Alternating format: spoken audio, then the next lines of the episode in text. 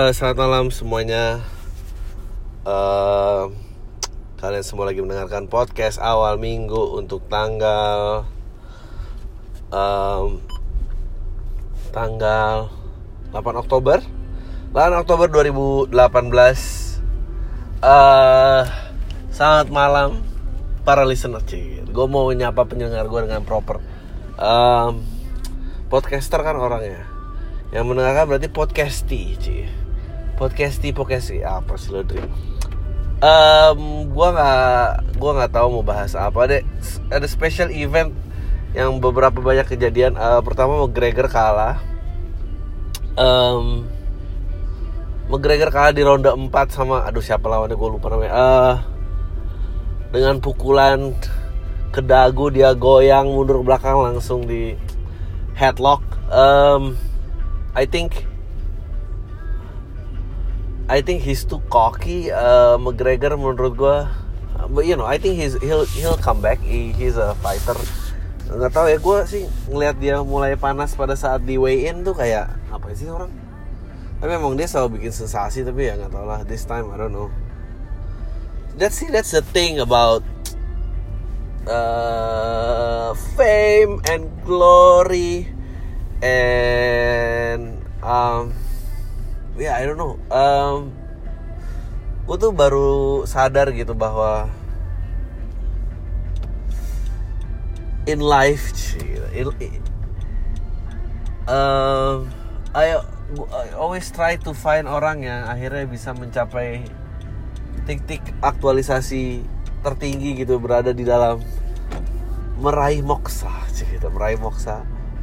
Em, dan itu memang melewati banyak kayak apa istilahnya? Ha- latihan dan mencapai skill tertinggi dan, dan dan bisa diraih melalui jalur apa pun gitu. Eh, nah bela diri salah satunya eh, ber- berkesenian salah satunya Eh, yang bisa dia mengembody itu dan dan tapi orang-orang kayak gitu tuh nggak bisa nggak punya entertainment value nggak punya virality Um,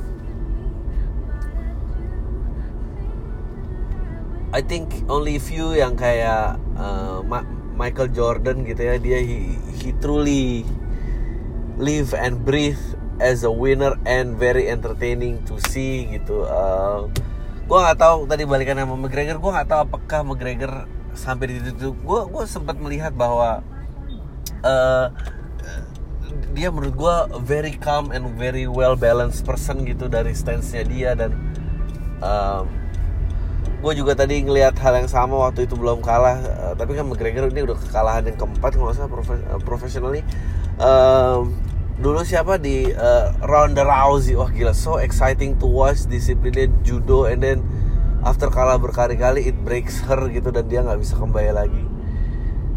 Uh,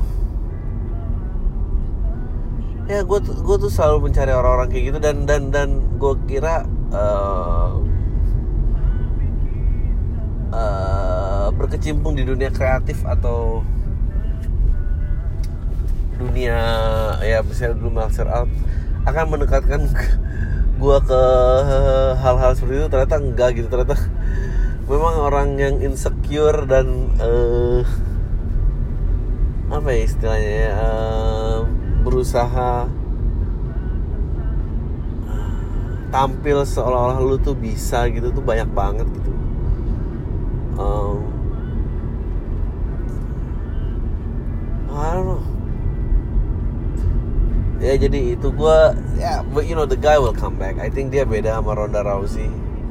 He's not taking any movie role gitu ya. Maksudnya dia dulu nggak tahu dia dulu. Pokoknya pekerja kasar kalau nggak salah ya.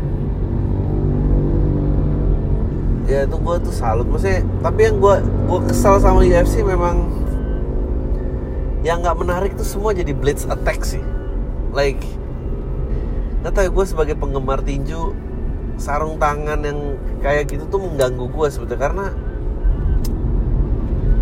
once you caught it and then it's gone gitu. Gue uh, nggak atau ya I like to see a good fight gitu uh, boxing ya boxing mau mengizinkan itu karena uh, apa berat sarung tangannya tergantung uh, kelas badan lo gitu dan dan itu itu emang sengaja dibuat untuk meredam biar orang nggak jedek and it's over gitu. But I guess if you're in the state of martial art tertinggi semua kali sama aja kali. I don't know. Ngomongin apa dong? Apa Ratna Sarung gitu. Oh gue tadi ada yang mau ngomongin lagi deh uh, iya gue uh, I, I I don't understand. Gue I don't understand what's going on. Like uh, gue tuh cuma bingung why is that such a good idea gitu? Kenapa ada konsensus yang memutuskan oke okay, okay, kita go dengan narasi ini bilang lo digebukin orang dari kubu oposisi and then you know we held a press con dan uh, rakyat akan simpati kita gitu. And nobody the wrong meeting bilang kayak ah gimana pak? Coba pak ulang pak. Lo yakin pak?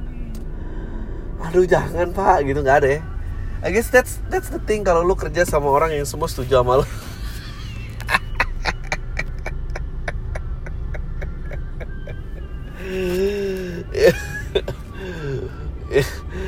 Itu pasti itu pasti satu ruangan emang penjilat atasan semuanya bagus pak bagus pak bagus then when it backfire. Brengsek kalian. Ini, ini, ini setuju setuju aja kalian tuh dibayar buat mikir jangan buat setuju setuju aja. Then semua orang yang setuju. Had coffee together and think ya. Bos memang kayak tai ya. Kalau giliran dulu kita bilang gak setuju ya kalian gak mendukung atasan. Giliran kita setuju dia salah kita juga yang salah. Ah, emang nasib jadi bawah. Aduh. I don't know, man. Why like I Gue gak ngerti sebetulnya uh, banyak hal Gue gak ngerti peristiwa itu terjadi Kenapa? Gue gak ngerti Kenapa orang jadi kesal banget I don't understand I mean it's uh, eh, kita mau mau sampai kapan sih nggak ngaku bahwa politics is just a joke gitu. It's, it's just a fucking joke gitu. I mean it's bad for you gitu. Maksudnya itu jelek buat lo. Kok gue jadi ngomong Inggris mulai akhirnya ini? Itu jelek buat lo. Um, yeah I mean if they can rule out ya, you know gue akan berhenti ngerokok. Kalau mereka juga bikin peraturan bahwa apa politik tuh nggak bagus buat kesehatan dan kejiwaan lo. Maksudnya I mean come on lah lu bisa larang satu hal lu nggak mau larang yang lain maksudnya udahlah gitu. We as human beings yeah, there has to be other system then I don't know lah. Tapi what's scary adalah buat gue I think 2019 uh, gue I'm not I'm not gonna say political stance gue di mana tapi uh, kalau uh, kubu yang kubu yang kemarin tuh yang muka bonyok gitu ya kubunya kita eh, dia nomor berapa sih? Nomor dua ya? Uh, paslon nomor dua nggak kepilih I think that's it for him untuk nyapres. Maksudnya dia nggak akan nyapres, dia pasti udah capek lah. Which is sebetulnya dia tuh kehilangan momentum. Maksudnya gue as lo harus nonton, lo harus nonton dokumenter uh, Get Me Roger Stone di Netflix. Um, gue gue sebagai orang marketing ya, sebagai orang komunikasi gitu uh, sebetulnya politik itu instrumen yang menarik banget how we can persuade people dan change their opinions dan uh, sebagai challenge gue I like to take my maksudnya gue pengen nyoba gitu gue pengen jajal take take the case case for a spin dan gue bisa bikin menang gitu. Gue yakin banget. Ini gue nggak mau sih gue gue gue yakin banget gue bisa bikin menang. Um, um, tapi ya karena nasibnya yang ditanggung adalah negara ini I I don't know. Oh. Eh, dia. Menurut gue Pak eh, Prabowo menurut gue kesempatan dia sebetulnya kalau buat gue adalah perlu dia mau jadi RI satu sebetulnya waktu SBY kedua sih. Ah itu perfect banget. Maksudnya Gerindra masih flawless. I don't know waktu itu dia kenapa uh, jadi paslon 2 um, kayak I'm guessing kolam tai 75% kayaknya Jokowi ya. Tapi nggak tau gue kok pengen tahu lo kalau kolam ada perbedaan stance politik. Kita tuh kita tuh asik nggak sesama cie gitu. Asik nggak satu sama lain? Apa emang kita sama barbarnya sama grup keluarga lo dan grup reuni SMP dan SD SMA lo gitu? Hah? Kalau sama aja sih lo namanya bikin malu ya. Uh, gue tuh nggak ngerti kenapa orang begitu yakin dengan pilihan Amin.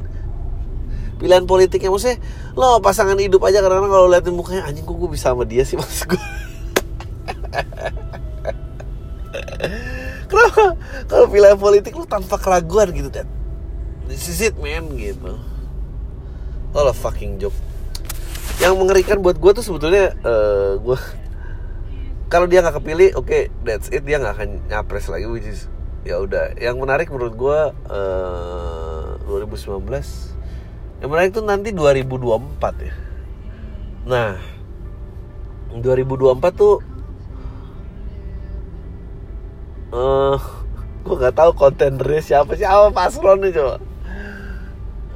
Capres lo siapa coba? Capres cawapres lo yang ngeri yang cuma appeal ke anak muda dan anak muda aware adalah cuma AHY sama Sandiaga sih. That would be fucking scary. Meskipun banyak lah uh, siapa tuh kemarin uh, yang lagi naik daun sekarang tuh yang kemarin mau jadi cawapres tapi nggak jadi yang ditukar Mahfud. Mungkin masih bisa. Apa I know he's too old uh, eh, gue sih ngeliatnya Ibu Risma kalau dia mau ke Jakarta dia udah di Jatim kan ya? Dia gue dia udah di Jatim apa dia masih Surabaya Ibu Risma menurut gue akan didatang ini uh, Ridwan Kamil I think gonna move ke Jakarta. Dia udah habis dia udah di Jawa Barat kan? Ya mungkin dia Jawa Barat dua kali but you know. I doubt it. dia dia pasti pindah ke Jakarta. Terlalu besar uh, dukungannya untuk untuk nggak disambut gitu. Um, apa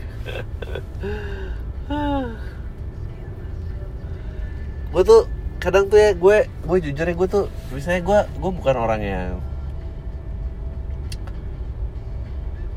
misalnya kayak lo pacaran gitu ya.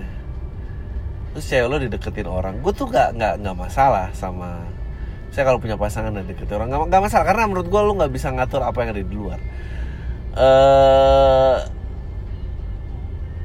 ya kalau ganggu sih lain lagi. Tapi maksud gue kalau gue tuh yang bikin kesel kadang-kadang kalau ngedeketinnya terus caranya katro tuh gue langsung kayak aduh lo nggak ini banget sih. Nggak bukan gue sosok di atas angin apa tapi maksudnya nggak gentleman nggak you know nggak nggak cukup smooth nggak apa gitu. Gue gue kesel. Kayak kayak ini gitu. Maksudnya ini tuh gue men lu tuh mungkin bisa menang lo padahal. Kayak ini lu tiba-tiba bikin jebakan yang lu sendiri yang nginjek gitu gimana sih? But ya gue nggak ngerti. And then gue kayak oh, oh ah babi lah. Kena merah lagi. Ya I really don't understand sih. Maksudnya me gue tuh selalu ngebayangin kalau gue di posisi itu dan dan gimana dan and please please don't uh, apa orang-orang tuh netizen so tau banget emang and it's painful to see gitu bahwa kita punya saudara yang lagi terkena musibah gitu di Palu dan Donggala. Eh Donggala apa, apa sih? I mean gue juga gue juga sama uh, istilahnya sama-sama ignoran ya gitu bahwa gue gue nggak hafal daerah itu dan daerah itu terekspos pertama kalinya karena bencana ini dan korban udah seribu lebih gue gak tahu korban ji itu seribu tuh udah jiwa dan terluka apa emang jiwa doang gitu um, it's it's horrendous gitu uh, apa namanya Ntar, ntar gue pengen gue I wanna get this right oke okay. Palu dan oke okay, gue Donggala bener kan uh, uh, alat warning tsunami nggak berfungsi. It's, kan jadi kan ceritanya orang yang gue gue gue mau mendukung gerakan teman-teman. Ntar kalau memang jadi publish uh, gue pengen gue pengen suruh serta. Jadi ceritanya animo untuk berdonasi itu turun gara-gara ada uh, foto yang viral uh, tentang penjarahan bantuan gitu. Oh kenapa udah ngebantuin jarak lu nggak boleh main ngeliatnya kayak gitu. Itu orang kelaparan men. Dia ngejar bukan mau nimbun jadi kaya so stop with this all frontier justice eh, frontier justice social justice warrior yang kayak gini mesti it's ngomong-ngomong tadi jadi martial arts dan dan dan be the one dengan raga lo dan lo mencapai titik tertinggi maksudnya sedih banget kita semua terkoneksi tapi nilai-nilai yang luhur tuh nggak bisa pernah viral gitu maksudnya aktualisasi gitu empati uh, and then yang viral tuh ya isu bonyok oh maksudnya muka bonyok orang maksudnya kayak bener-bener emang itu feeding feeding insecurity lo banget gitu. Uh, sih lo berempati karena itu I'm, I'm assuming kejadiannya adalah uh, bantuan datang bantuan harus masuk sebuah badan. I think in this case adalah militer karena ada beberapa daerah yang udah nggak bisa diakses oleh sivil kan oleh rakyat umum. Uh, jadi ada pendataan and then jadi ada penjarahan biar pintu gate satu. Jadi kan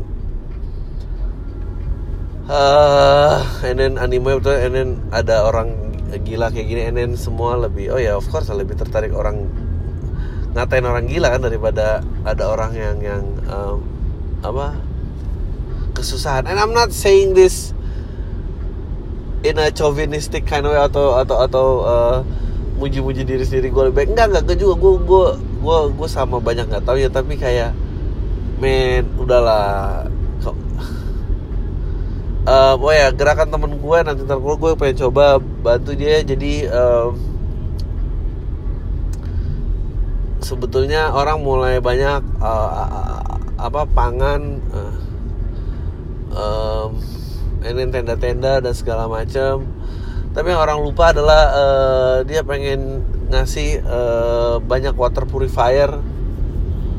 Karena air tanah udah nggak bisa digunakan karena tanah bercampur dengan uh, udah jadi lumpur gitu pondasinya uh, dan bercampur dengan mayat gitu. Jadi it's toxic gitu. Uh, the only way adalah untuk mendapatkan air dari laut tapi air laut nggak bisa dikonsumsi. So gerakannya adalah untuk ngasih water purifier. I, I think that's very brilliant. Uh, when it launch gue gue juga pengen coba. I, I try myself. Gue sebisa gue lah untuk untuk membantu gitu. Um, ya yeah, I don't know. Gue gue uh, sedih aja gitu. And then gue udah nggak tahan 2019 kapan berakhir gitu. How many how many awkward situation dengan keluarga lo yang harus lewatin karena tapi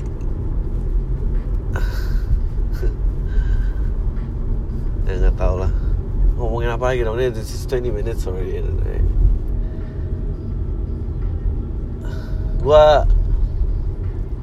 gue gue akhir-akhir ini drain banget. I, I don't know about you guys like I gue gue gue nggak ngerti sih gimana cara keep this whole thing gitu maksudnya uh, gue mengkonsumsi gue tuh nonton sekarang udah malas banget. Uh, terlalu banyak noise ya gitu. gue harus puasa sosial media kembali ke zen men gue tuh meditasi ya tapi gue tuh sebel sama orang-orang yang ngomong gitu. I don't know why. Mungkin emang nyebelin kali ya kalau lo berasa lebih baik dari orang lain tuh emang nyebelin apa pun. Apa pun apa uh, alasannya gitu. Emang jadi manusia tuh nggak boleh ngerasa lebih baik sih memang tapi gimana caranya menyebarkan nilai nggak merasa lebih baik daripada orang lain di di sosial media? Nggak bisa men. ah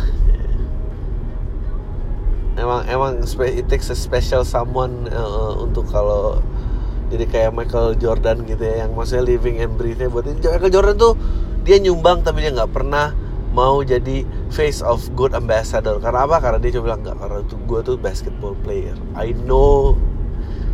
Tapi dia bukan berarti kehidupan pribadi yang gak asshole ya asshole juga. Cuma maksud gue uh, dia even nggak pernah ngomong basketball. Dia always said the game of basketball. Saking dia merespekkan itu um, dan I, I surely look that person again and again di banyak tempat gitu. Baik musisi baik uh, apa namanya?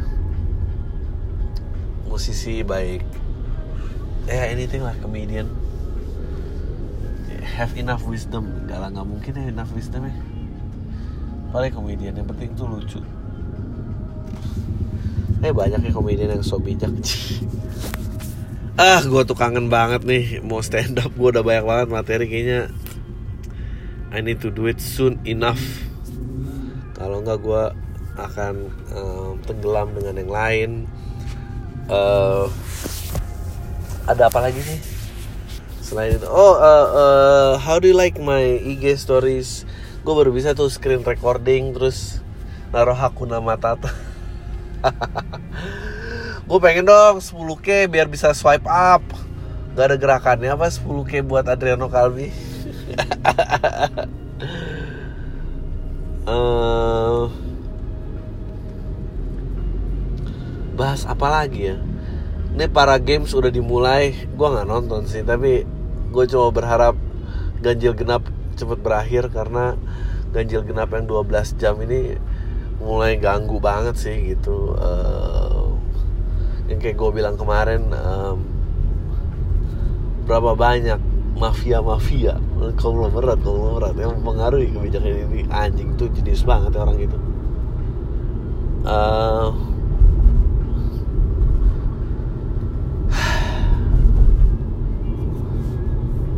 tapi gue punya firasat jelek uh, but you know feeling gue sih akan diperpanjang tapi kalau emang kita iya mah setuju mah anjing lah ngeselin banget tuh sih.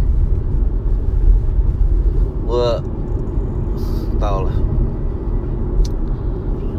Gue kemarin uh, abis uh, gue gue tuh lagi ah, gue mau ngomong apa men? Ngomong apa ngomong apa dong? Oh. Eh, nggak uh, tahu deh gue pause dulu aja kali ya. Oke gue mau lanjutin lagi. Um, tentang um, keefektifan campaign tadi gitu ya. Maksudnya uh, itu appealingnya apa sih? Maksudnya gue gue tuh maksudnya Indonesia tuh kan gede banget dan gue nggak percaya komunikasi cara komunikasi yang talk down gitu. Maksudnya yang yang yang sangat merendahkan itu benar-benar resonance gitu buat tapi ya nggak tahu sih ini makanya nggak boleh pakai demokrasi memang.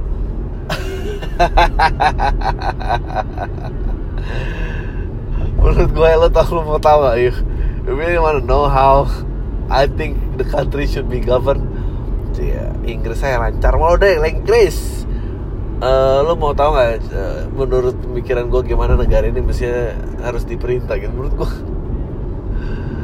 menurut gue ya kita minta outsource atau minta apa tuh namanya istilahnya istilahnya uh, komisaris ya dari luar negeri. Terus yang mau jadi presiden tuh kirim CV dan berdebat sama komisaris. Yang emang otaknya lebih pinter ya dia jalan lah. Maksudnya men semua punya concern men semua punya suara.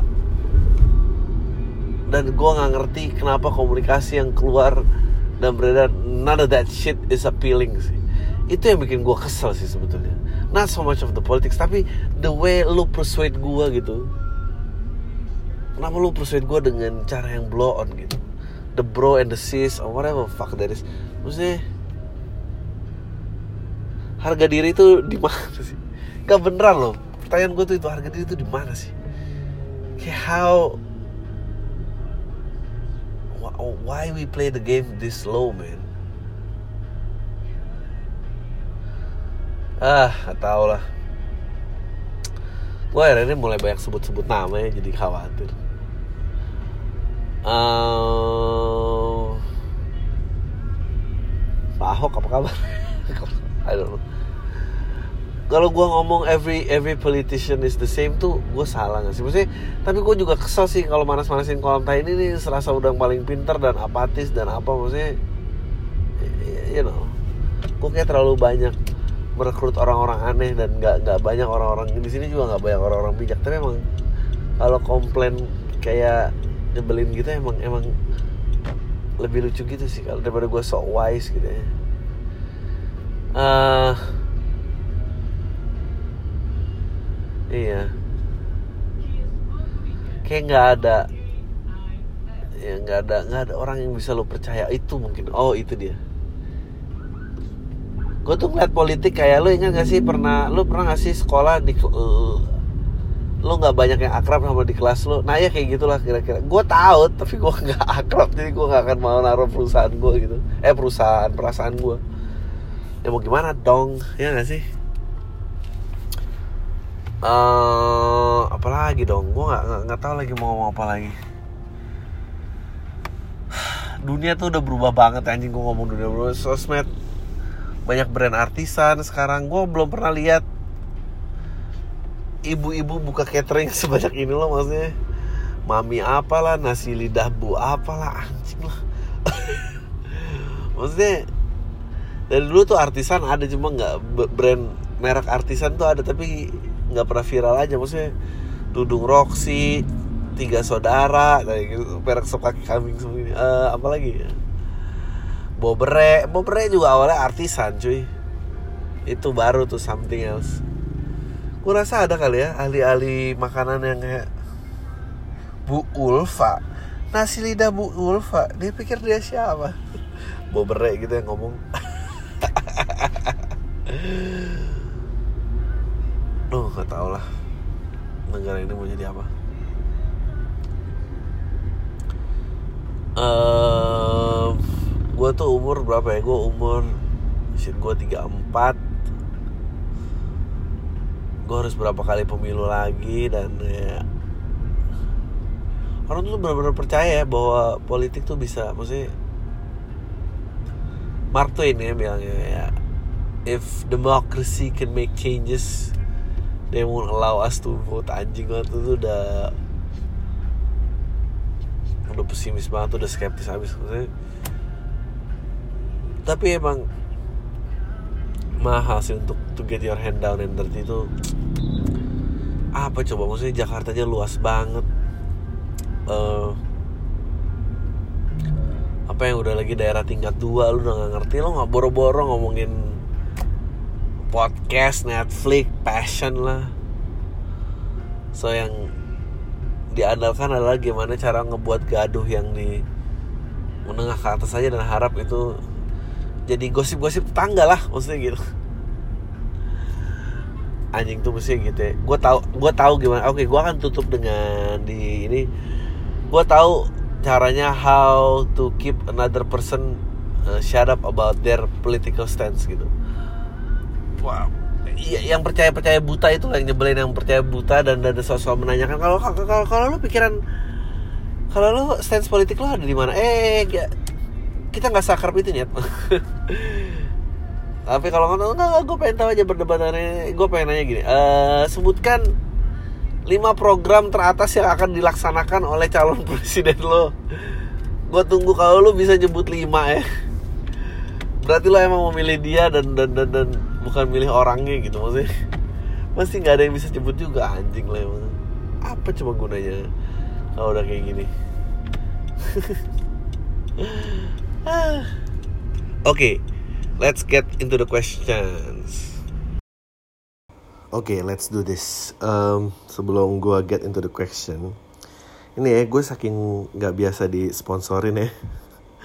Ada orang ada orang bikin placement lima kali gue coba baca sekali parah banget uh, Excel Home Power internet fiber optik untuk rumah kamu up to 300 megabit per second fiber optik untuk 300 ribu rupiah saja per bulannya. Uh, ini udah termasuk Android set top box untuk akses ke ribuan konten pilihan. So get that now. I mean yang buat udah capek dengan koneksi kabel. Uh, this one is fiber optic. Informasi lengkap dan informasi lengkap dan berlangganan via www.lebihpau.com gue harus ulang tiga kali nih biar kayak radio profesional www.lebihpau.com www.lebihpau.com oke okay. gimana mau ada sponsornya bacain aja lupa Uh, oke okay, oke okay, let's go. Kayaknya email udah makin dikit ya peminatnya karena saking sering gua kata-katain semua orang so but you know lah itu part dari hiburannya gitu lo jangan ngarep ada solusi di sini oke okay.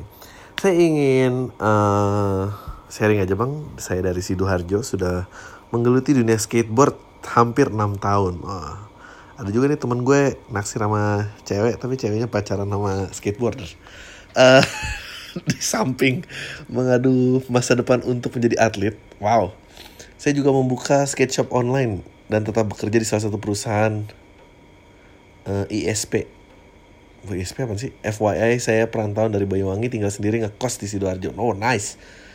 Lo lebih keren nih.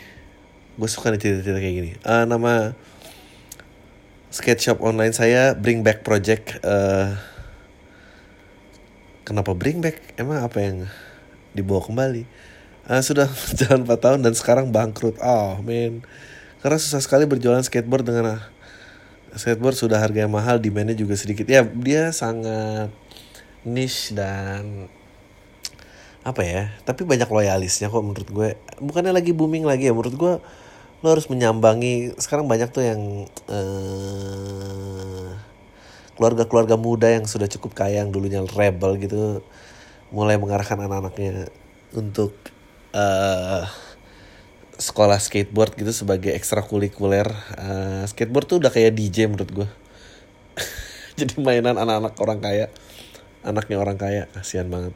DJ DJ legend skateboard tapi you know uh, bagus lah buat bikin dapur lo ngebul uh, jadi atlet pun sempat sudah dapat sponsor tapi tidak bertahan lama karena sudah tidak terlalu aktif akibat tanggung jawab yang semakin besar. Nah harus fokus ke pekerjaan kantor yang lebih ada duitnya. Ya of course lah lo harus tanggung jawab men.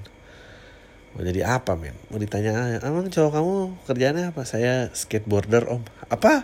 Skateboarder?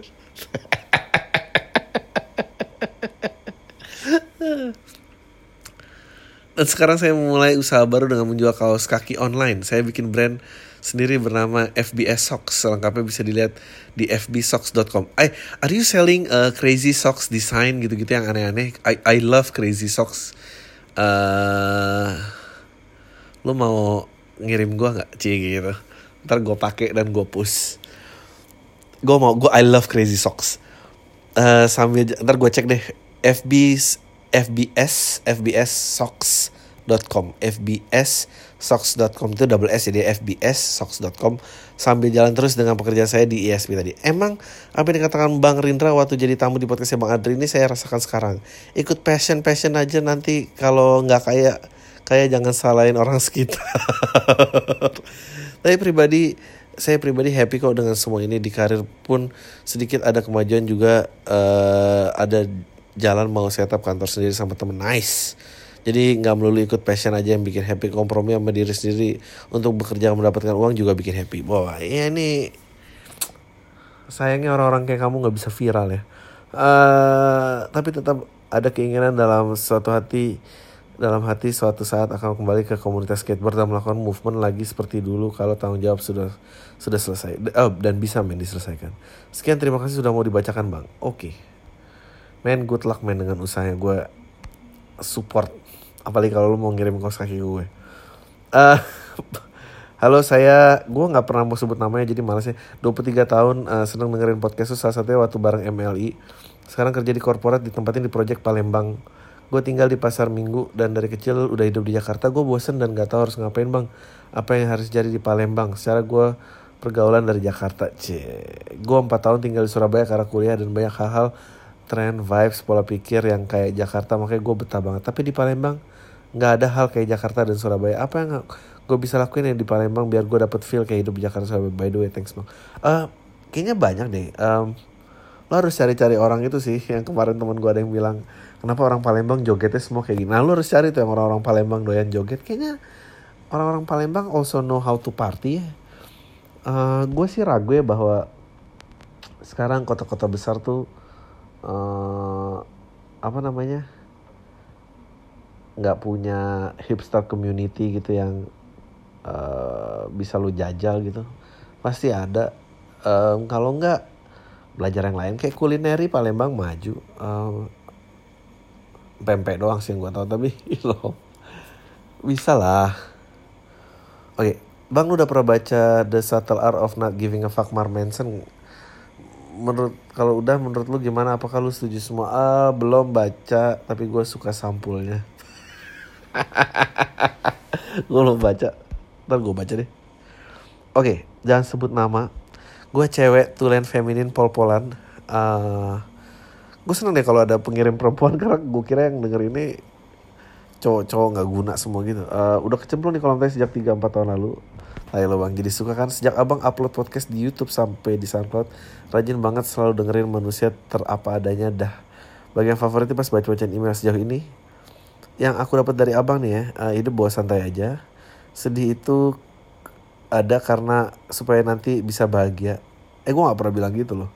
Jalanin nikmatin lewatin. Eh ya mungkin kerja itu penting kalau masih mau hidup. Uh, kalau udah suka ya dikejar ya dicium lah Thailand persetan sama kesulitan hidup jalan aja titik.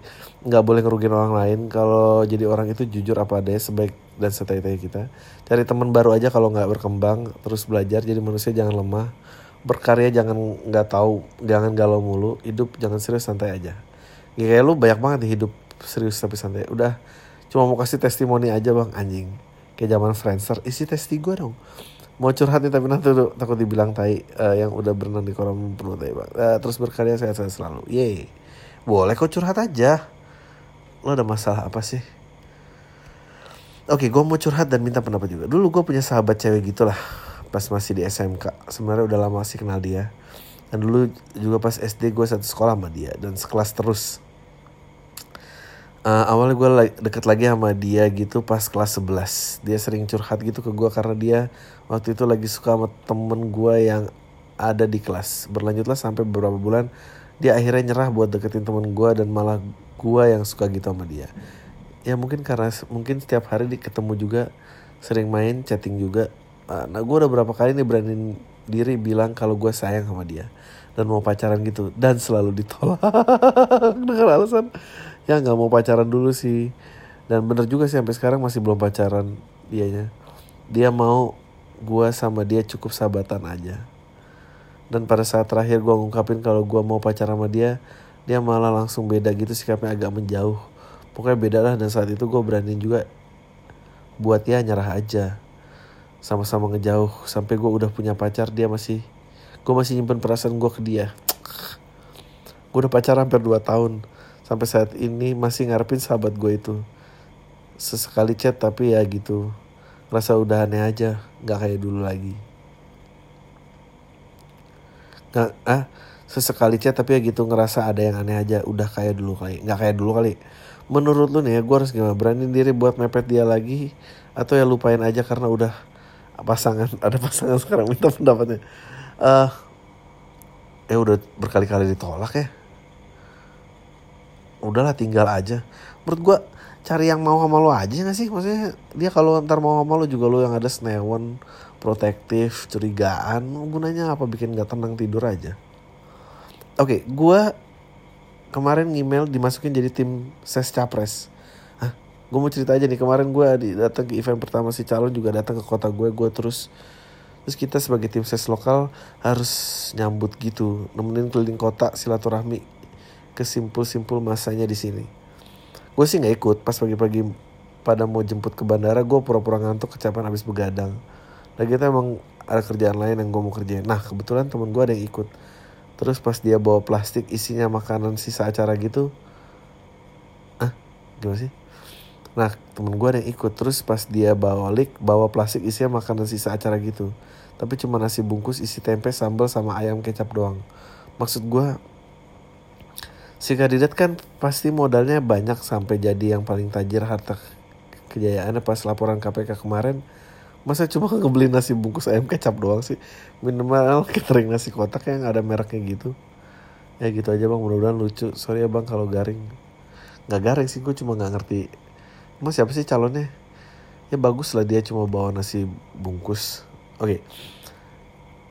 gue nggak tahu harus nanggapin apa men ini email ketiga saya dan terima kasih udah dibacain nuwun banget udah ngasih saran gimana caranya ganti teman dan ganti circle dari apa yang dirimu saranin saya gue beraniin buat jadi daftar tim relawan di Lombok untuk emergency response dan program revitalis revitalisasi oh keren banget ini saya udah satu bulan di sini. Terima kasih juga buat menginspirasi.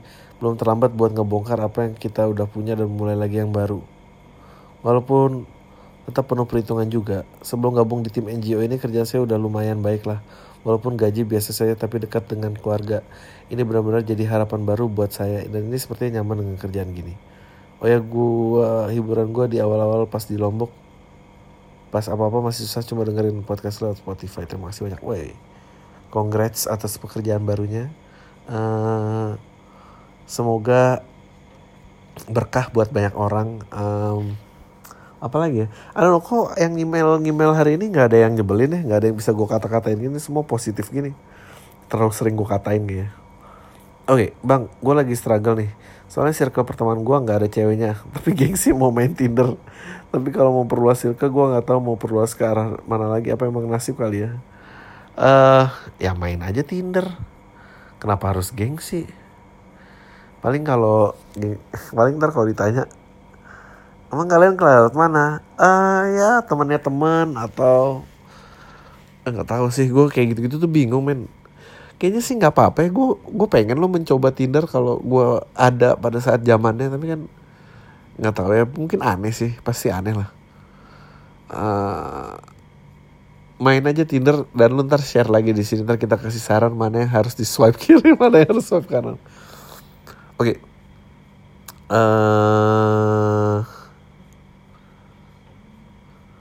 Ini ada yang ngirim gua petisi di change.org aduh ngapain lagi nih ngirim ngirim brengsek oke okay. uh, eh, di PC podcast atau balas via email juga gak apa-apa. Gue baru ngikutin podcast lo dan sadar kalau obrolan lo menarik juga. Akhirnya gue secara maraton dengerin dari awal pas lulus tahun 2015 dan tuh sampai yang terbaru sekarang. Uh, sebelumnya gue udah coba dengerin lagu-lagunya Extentation yang kata-katanya bisa nemenin orang yang lagi depresi di setiap liriknya tapi nggak gitu dampak ke gue. By the way, bang lu sempat kepikiran gak sih sama cewek-cewek di daerah gue yang notabene banyak mahasiswa walaupun nggak semuanya? kalau lagi nyetir motor pahanya suka dihimpit kan kalau cowok nyetir motor kakinya suka yang ngangkang secara nggak sadar apa cuma gue aja yang suka merhatiin dan nanyain ke tonton gue kenapa kalau cewek nyetir motor tuh pahanya dijepit bang Hah? apa emang cewek kurang pede sama kemaluan atau softteknya melor terus nah ya itu aja sih nggak sempat kepikiran juga nggak gue nggak sempat kepikiran giliran ada aneh gini Oke. Okay. Assalamualaikum warahmatullahi wabarakatuh. Anjing, waalaikumsalam. Cepet aja lu tau MBTI nggak tahu gue. Myers Briggs Type Indicator menurut lo penting gak sih buat orang tahu MBTI kayak apa? Menurut gue sih nggak penting ya. Itu tuh cuma tes-tes yang kalau biar orang dapat respon kalau baca kayak ih gue banget, bener nih gue banget. Gue banget terus lah. Kalau dibanding sama zodiak lu lebih percaya mana? Ya nggak dua-duanya dong. Zodiak lagi sama MBTI lo apa MBTI gue apa ya um, lupa gue pernah tes uh, masih ditunggu banget rekaman DVD LPLK begitunya oke okay. halo saya dari Denpasar umur sebulan lagi 26 c um, satu cara menghadapi atasan sok tahu sok iya sok paling paling dan gak mau mengakui kalau dia orang Indo. Itu orang Indo cuma karena dia kecil di luar negeri.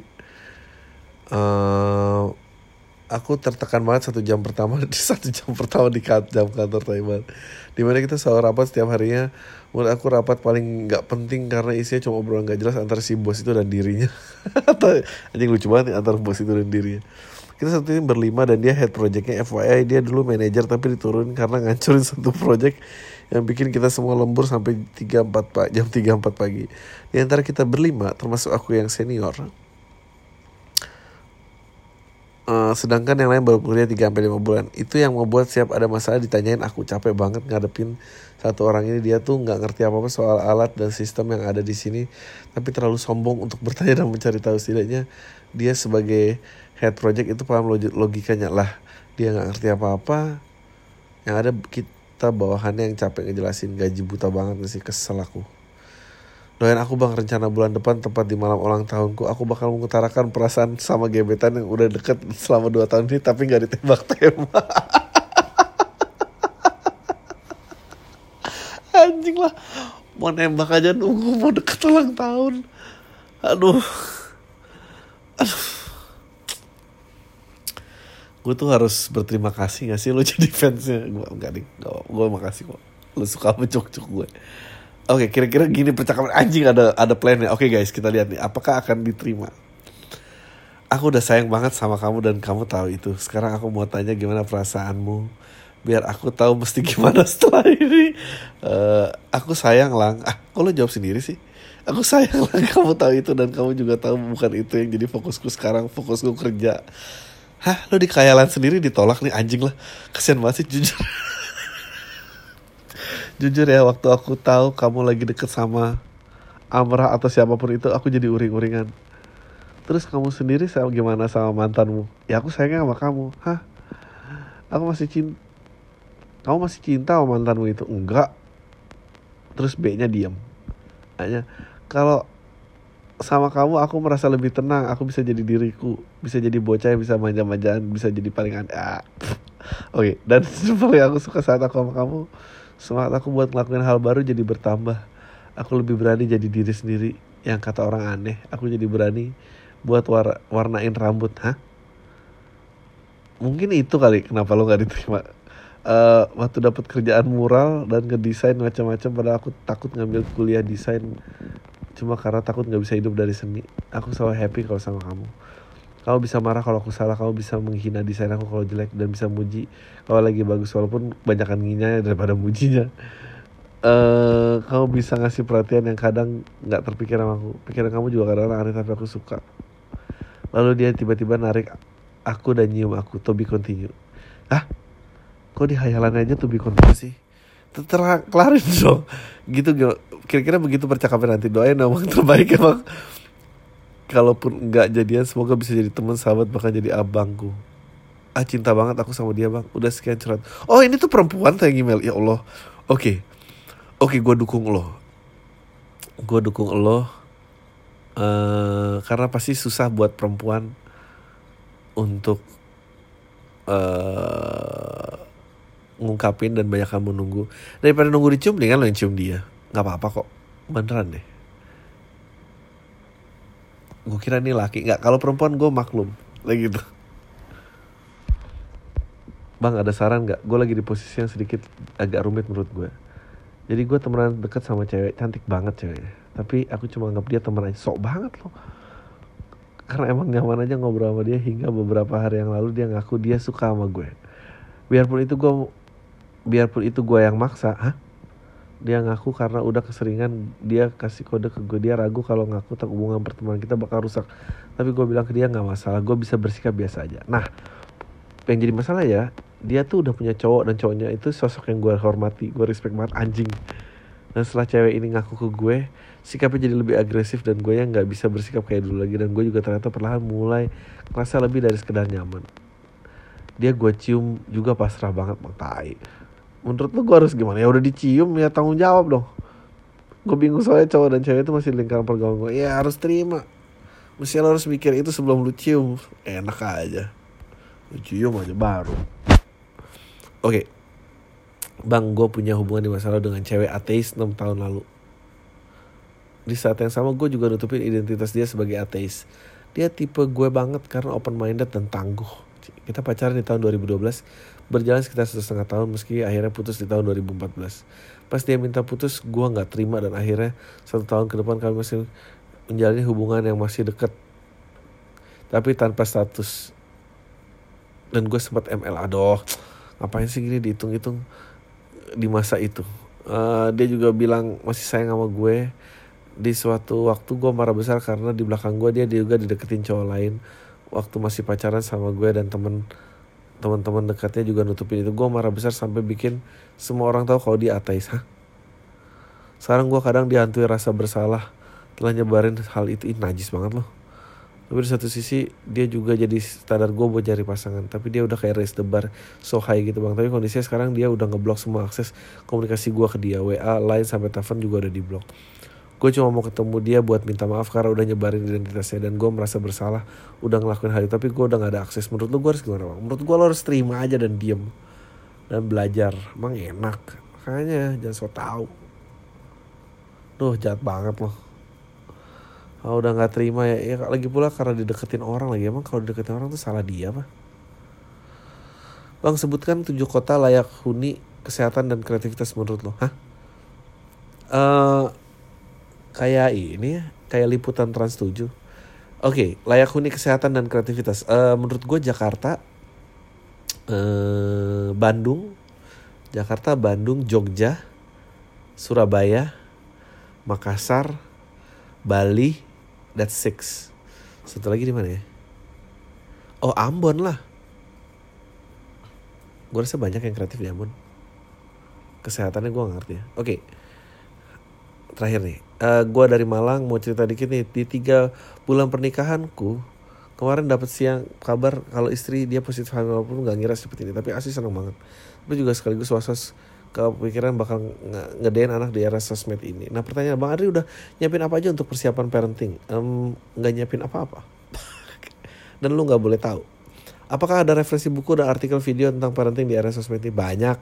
Oh uh, ikutin itu aja. Najila Sihab menurut gue orangnya bagus thanks udah itu aja udah itu aja uh, podcast hari ini. Nah, lu semua. Deh